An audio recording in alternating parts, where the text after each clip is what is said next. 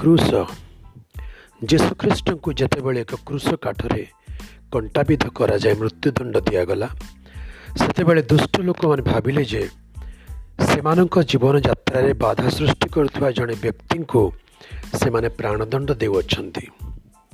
ସେମାନେ ଜାଣିନଥିଲେ ଯେ ପୃଥିବୀର ପ୍ରାରମ୍ଭରୁ ଈଶ୍ୱର କୃଷର ଯୋଜନା କରିଥିଲେ। ଈଶ୍ୱର ସମସ୍ତ ପାପ ଦୂର କରନ୍ତି। କ୍ରୁଶ ଉପରେ ଆପଣା ପୁତ୍ରଙ୍କର ମୃତ୍ୟୁ ଭୋଗ ଦ୍ୱାରା ମହାନ ସୃଷ୍ଟିକର୍ତ୍ତା ଈଶ୍ୱର ପ୍ରତ୍ୟେକ ବ୍ୟକ୍ତିଙ୍କ ପାପ ଯାତନା ଭୋଗ ଏବଂ ଦୁଃଖ ଭୋଗ ଦୂର କଲେ ଯୀଶୁ ପୃଥିବୀରେ ପ୍ରତ୍ୟେକ ବ୍ୟକ୍ତି ବିଶେଷଙ୍କ ପରିବର୍ତ୍ତେ ମୃତ୍ୟୁ ଭୋଗ କଲେ କ୍ରୁଶ ଉପରେ ସେ ଯାହା ସାଧନ କରିଅଛନ୍ତି ତାହାକୁ ବ୍ୟକ୍ତିଗତ ଭାବରେ ଗ୍ରହଣ କରିବା ଦ୍ୱାରା ହିଁ ଆମର ସମସ୍ତ ଆବଶ୍ୟକତା ପୂରଣ ହୋଇପାରିବ ଈଶ୍ୱର କୃଷ ଦ୍ୱାରା ଆପଣାର ଶକ୍ତି ପ୍ରକାଶ କରନ୍ତି କାରଣ ବିନାଶ ପ୍ରାପ୍ତ ହେଉଥିବା ଲୋକମାନଙ୍କ ପ୍ରତି କୃଷର କଥା ମୂର୍ଖତା ମାତ୍ର କିନ୍ତୁ ପରିତ୍ରାଣ ପ୍ରାପ୍ତ ହେଉଥିବା ଆମ୍ଭମାନଙ୍କ ପ୍ରତି ତାହା ଈଶ୍ୱରଙ୍କ ଶକ୍ତି ଅଟେ ପ୍ରଥମ କରନ୍ତି ଏକ ପର୍ବ ଅଠର ପଦ ଏବଂ ରୋମି ଏକ ପର୍ବ ଷୋହଳ ପଦରେ ମଧ୍ୟ ଲେଖାଯାଏ ଈଶ୍ୱର କୃଷ ଉପରେ ତାହାଙ୍କର ପ୍ରେମ ପ୍ରଦର୍ଶନ କଲେ କିନ୍ତୁ ଆମ୍ଭେମାନେ ପାପି ଥିବା ସମୟରେ ସୁଦ୍ଧା ଖ୍ରୀଷ୍ଟ ଯେ ଆମ୍ଭମାନଙ୍କ ନିମନ୍ତେ ମୃତ୍ୟୁଭୋଗ କଲେ। ସେଥିରେ ଈଶ୍ୱର ଆମ୍ଭମାନଙ୍କ ପ୍ରତି ଆପଣାର ପ୍ରେମ ସପ୍ରମାଣ କରୁଅଛନ୍ତି। ରୋମିଓ ପାଞ୍ଚ ପର୍ବ ଆଠ ପଦ ଲେଖାଯାଏ। ଈଶ୍ୱର କୃଷ ଉପରେ ଆମ ଦୁଃଖ ସବୁ ଅପସାରଣ କଲେ। ଯେସାୟ ତେପନ ପର୍ବ ଚାରିପଦ ଲେଖାଯାଏ ନିଶ୍ଚୟ ସେ ଆମ୍ଭମାନଙ୍କ ଯାତନା ସବୁ ଧାରଣ କରିଅଛନ୍ତି ଓ ଆମ୍ଭମାନଙ୍କର ବ୍ୟଥା ସବୁ ବହି ଅଛନ୍ତି ତଥାପି ଆମ୍ଭେମାନେ ତାହାଙ୍କୁ ଆହତ ଓ ଈଶ୍ୱରଙ୍କ ଦ୍ୱାରା ପ୍ରହାରିତ ଓ ଦୁଃଖଗ୍ରସ୍ତ ବୋଲି ମଣିଲୁ। ଯୀଶୁ କୃଷ ଉପରେ ଆମ ପାପ ନିମନ୍ତେ ଦଣ୍ଡ ଭୋଗ କଲେ।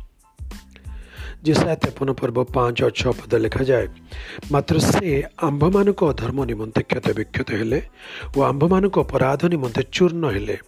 ଆମ୍ଭମାନଙ୍କ ଶାନ୍ତିଜନକ ଶାସ୍ତି ତାହାଙ୍କ ଉପରେ ବର୍ତ୍ତିଲା ଓ ତାହାଙ୍କ ପ୍ରହାରରେ ଆମ୍ଭେମାନେ ସୁସ୍ଥ ହେଲୁ। ଆମେମାନେ ସମସ୍ତେ ମେଷଗୁଣ ତୁଲ୍ୟ ବିପଥଗାମୀ ହୋଇଅଛୁ। ଆମେମାନେ ପ୍ରତ୍ୟେକ ଆପଣ ଆପଣ ବାଟ ଆଡ଼େ ଫେରିଅଛୁ। ଆଉ ସଦାପ୍ରଭୁ ଆମ୍ଭ ସମସ୍ତଙ୍କର ଅପରାଧ ତାହାଙ୍କ ଉପରେ ବର୍ତ୍ତାଇ ଅଛନ୍ତି କୃଷ ଦ୍ୱାରା ଈଶ୍ୱରଙ୍କ ସହିତ ସ୍ଥାପିତ ନୂତନ ସମ୍ପର୍କ। ଈଶ୍ୱର ଅତ୍ୟନ୍ତ ପବିତ୍ର ଏବଂ ଧର୍ମମୟ ହୋଇଥିବା ସକାଶୁ ପାପ ଆମକୁ ତାହାଙ୍କଠାରୁ ବିଚ୍ଛିନ୍ନ କରେ। ନିଜ ହୃଦୟରେ ପାପ ଥିବା କୌଣସି ବ୍ୟକ୍ତି ତାହାଙ୍କ ଉପସ୍ଥିତି ମଧ୍ୟକୁ ଆସିପାରିବ ନାହିଁ। ଏଣୁ କୃଷ ଉପରେ କେବଳ ମୃତ୍ୟୁଭୋଗ କରିବା ଦ୍ୱାରା ଯେ ଯୀଶୁ ଆମ ପାପ ନିମନ୍ତେ ଆମ ପରିବର୍ତ୍ତେ ଯାତନା ଭୋଗ କଲେ ତାହା ନୁହେଁ ମାତ୍ର ଈଶ୍ୱରଙ୍କୁ ବ୍ୟକ୍ତିଗତ ଭାବେ ଜାଣିବା ନିମନ୍ତେ ଏବଂ ତାହାଙ୍କ ସହିତ ସହଭାଗିତାରୁ ଉତ୍ପନ୍ନ ହେଉଥିବା ପ୍ରେମ ଶାନ୍ତି ଏବଂ ଆନନ୍ଦକୁ ଅନୁଭବ କରିବା ନିମନ୍ତେ ସେ ଆମ ପାଇଁ ତାହା ସମ୍ଭବ କଲେ। କୃଷ ଦ୍ୱାରା ଆମେ ଈଶ୍ୱରଙ୍କ ଗ୍ରହଣୀୟ ହୋଇଥାଉ। କ୍ଷମା କରିବେ। କୃଷ ଦ୍ୱାରା ଆମେ ଈଶ୍ୱରଙ୍କର ଗ୍ରହଣୀୟ ହୋଇଥାଉ। ଯାହାଙ୍କଠାରେ ପାପର ଲେଶ ମାତ୍ର ନଥିଲା ତାହାଙ୍କୁ ସେ ଆମ୍ଭମାନଙ୍କ ନିମନ୍ତେ ପାପ ସ୍ୱରୂପ କଲେ। ଯେପରି ଆମ୍ଭେମାନେ ତାହାଙ୍କ ଦ୍ୱାରା ଈଶ୍ୱରଙ୍କର ଧାର୍ମିକତା ସ୍ୱରୂପ ହେଉ ଏହା ଦ୍ୱିତୀୟ କରନ୍ତି ପାଞ୍ଚ ପର୍ବ ଏକୋଇଶ ପଦ ଲେଖାଯାଏ। କୃଷ ଦ୍ୱାରା ଆମେ ପାପ କ୍ଷମା ପାଇଥାଉ। କଲସ ଏକ ପର୍ବ ତେର ଆଉ ଚଉଦ ପଦ ଲେଖାଯାଏ ସେ ଆମ୍ଭମାନଙ୍କୁ ଅନ୍ଧକାରର କ୍ଷମତାରୁ ଉଦ୍ଧାର କରି ଆପଣାର ପ୍ରେମପାତ୍ର ପୁତ୍ରଙ୍କ ରାଜ୍ୟ ମଧ୍ୟକୁ ସ୍ଥାନାନ୍ତରିତ କରିଅଛନ୍ତି। ତାହାଙ୍କଠାରେ ଆମ୍ଭେମାନେ ମୁକ୍ତି ଅର୍ଥାତ୍ ପାପ କ୍ଷମା ପାଇଅଛୁ। କୃଷ ଦ୍ୱାରା ଆମେ ଈଶ୍ୱରଙ୍କ ପରିବାରର ସଦସ୍ୟ ହୋଇଥାଉ। ଏଭ୍ରି ଦୁଇ ପର୍ବ ଏଗାର ବାର ପଦ ଲେଖାଯାଏ ଯେଣୁ ଯେ ପବିତ୍ର କରନ୍ତି ଓ ଯେଉଁମାନେ ପବିତ୍ରୀକୃତ ହୁଅନ୍ତି ସେମାନେ ସମସ୍ତେ ଏକ ପିତାଙ୍କର ସନ୍ତାନ। ସେଥିନିମନ୍ତେ ସେ ସେମାନଙ୍କୁ ଭ୍ରାତା ବୋଲି କହିବାକୁ ଲଜ୍ଜିତ ନୁହନ୍ତି। ଯେପରି ସେ କହନ୍ତି ମୁଁ ଆପଣା ଭ୍ରାତୃଗଣଙ୍କ ନିକଟରେ ତୁମ୍ଭ ନାମ ଘୋଷଣା କରିବି। ସମାଜ ମଧ୍ୟରେ ମୁଁ ତୁମର ପ୍ରଶଂସା ଗାନ କରିବି। କୃଷ ଦ୍ୱାରା ଜାତିଗତ ବିଚ୍ଛେଦ ପ୍ରାଚୀର ଭଗ୍ନ ହେଲା। ଏପିସିୟ ଦୁଇ ପର୍ବ ତେରରୁ ଷୋହଳ ପଦ ଲେଖାଯାଏ। କିନ୍ତୁ ପୂର୍ବେ ଦୂରରେ ଥିଲ ଯେ ତୁମ୍ଭେମାନେ ତୁମେମାନେ ଏବେ ଖ୍ରୀଷ୍ଟ ଯୀଶୁଙ୍କଠାରେ ତାହାଙ୍କର ରକ୍ତ ଦ୍ୱାରା ନିକଟସ୍ଥ ହୋଇଅଛ। କାରଣ ସେ ତ ଆମମାନଙ୍କର ଶାନ୍ତି ସେ ଶତ୍ରୁତା ସ୍ୱରୂପ ମଧ୍ୟବର୍ତ୍ତୀ ବିଚ୍ଛେଦ ପ୍ରାଚୀର ଭଗ୍ନ କରି ଉଭୟକୁ ଏକ କରିଅଛନ୍ତି। ପୁଣି ବିଧିବିଧାନଯୁକ୍ତ ଆଜ୍ଞାମୂଳକ ବ୍ୟବସ୍ଥାକୁ ଆପଣ ଶରୀରରେ ରହିତ କରିଅଛନ୍ତି। ଯେପରି ସେ ଶାନ୍ତି ସ୍ଥାପନ କରି ଉଭୟକୁ ଆପଣାଠାରେ ଜଣେ ନୂଆ ଲୋକ ସ୍ୱରୂପେ ସୃଷ୍ଟି କରନ୍ତି। ଆଉ କୃଷ ଦ୍ୱାରା ଶତ୍ରୁତା ବିନାଶ କରି ତଦ୍ୱାରା ଉଭୟକୁ ଏକ ଶରୀର ସ୍ୱରୂପେ ଗଠନ କରି ଈଶ୍ୱରଙ୍କ ସହିତ ମିଳିତ କରାନ୍ତି। କୃଷ ଦ୍ୱାରା ମୁକ୍ତି ଲାଭ। କୃଷ ଉପରେ ଯୀଶୁଙ୍କର ମୃତ୍ୟୁଭୋଗ ଆମ ନିମନ୍ତେ ଏକ ମହାନ ବିଜୟ ଥିଲା। ଈଶ୍ୱର କୃଷ ଉପରେ ଆମ ପାପ ସବୁ ଦୂର କରିଥିବା ହେତୁ ଏହା ମଧ୍ୟ ପ୍ରକାଶିତ ହୋଇଥାଏ ଯେ ପାପର ଫଳ ସ୍ୱରୂପେ ସମସ୍ତ ଦିନାବସ୍ଥା ଏବଂ ଯାତନା ଭୋଗ ଦ୍ୱାରା ମଧ୍ୟ ଦୂରୀକୃତ ହୋଇଥିଲା। କୃଷ ହିଁ ଆମ ନିମନ୍ତେ ବିଶେଷ ସ୍ୱାଧୀନତା ଅର୍ଜନ କରିଅଛି। ଶୟତାନ ଠାରୁ ମୁକ୍ତ। କଲେଶ ଦୁଇ ପର ପନ୍ଦର ପଦ ଲେଖାଯାଏ ସମସ୍ତ ଆଧିପତ୍ୟ ଓ କର୍ତ୍ତାପଣର ଅସ୍ତ୍ରଶସ୍ତ୍ର ଛଡ଼ାଇ ପ୍ରକାଶରେ ସେମାନଙ୍କ ପ୍ରଦର୍ଶନ ପୂର୍ବକ କୃଷରେ ବିଦୟ ଯାତ୍ରା କରିଅଛନ୍ତି।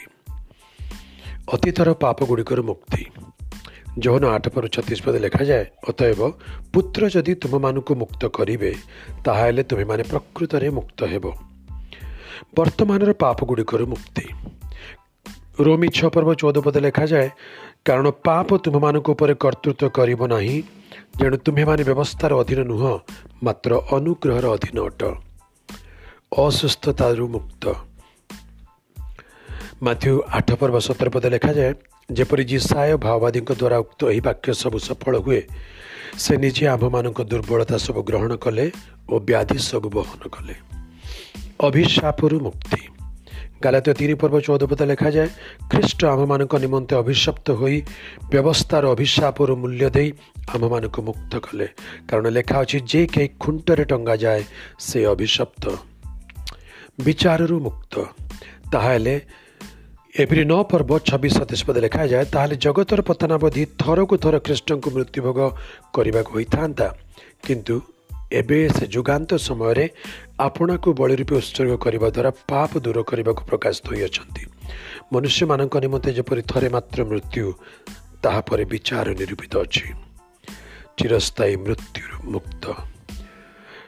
ଯୌନ ତିନି ପର୍ବ ଷୋହଳ ପଦ ଲେଖାଯାଏ କାରଣ ଈଶ୍ୱର ଜଗତକୁ ଏଡ଼େ ପ୍ରେମ କଲେ ଯେ ସେ ଆପଣାର ଅଦ୍ୱିତୀୟ ପୁତ୍ରଙ୍କୁ ଦାନ କଲେ। ଯେପରି ଯେ କେହି ତାହାଙ୍କଠାରେ ବିଶ୍ୱାସ କରେ ସେ ବିନଷ୍ଟ ନୋହି ଅନନ୍ତ ଜୀବନ ପ୍ରାପ୍ତ ହୁଏ।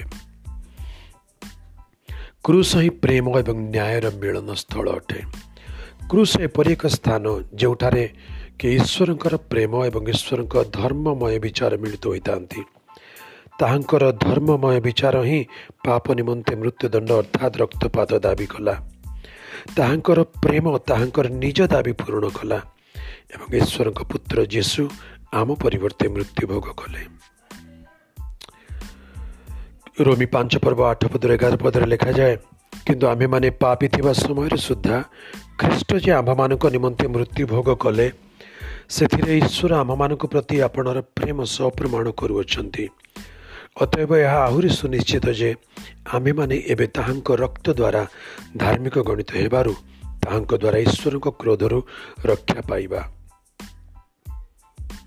କାରଣ ଆମ୍ଭେମାନେ ଶତ୍ରୁ ଥିବା ସମୟରେ ଯଦି ଈଶ୍ୱରଙ୍କ ସହିତ ତାହାଙ୍କର ପୁତ୍ରଙ୍କ ମୃତ୍ୟୁ ଦ୍ୱାରା ମିଳିତ ହେଲୁ ତାହେଲେ ଏହା ଅଧିକ ସୁନିଶ୍ଚିତ ଯେ ଆମ୍ଭେମାନେ ମିଳିତ ହୋଇ ତାହାଙ୍କର ଜୀବନ ଦ୍ୱାରା ପରିତ୍ରାଣ ପାଇବା।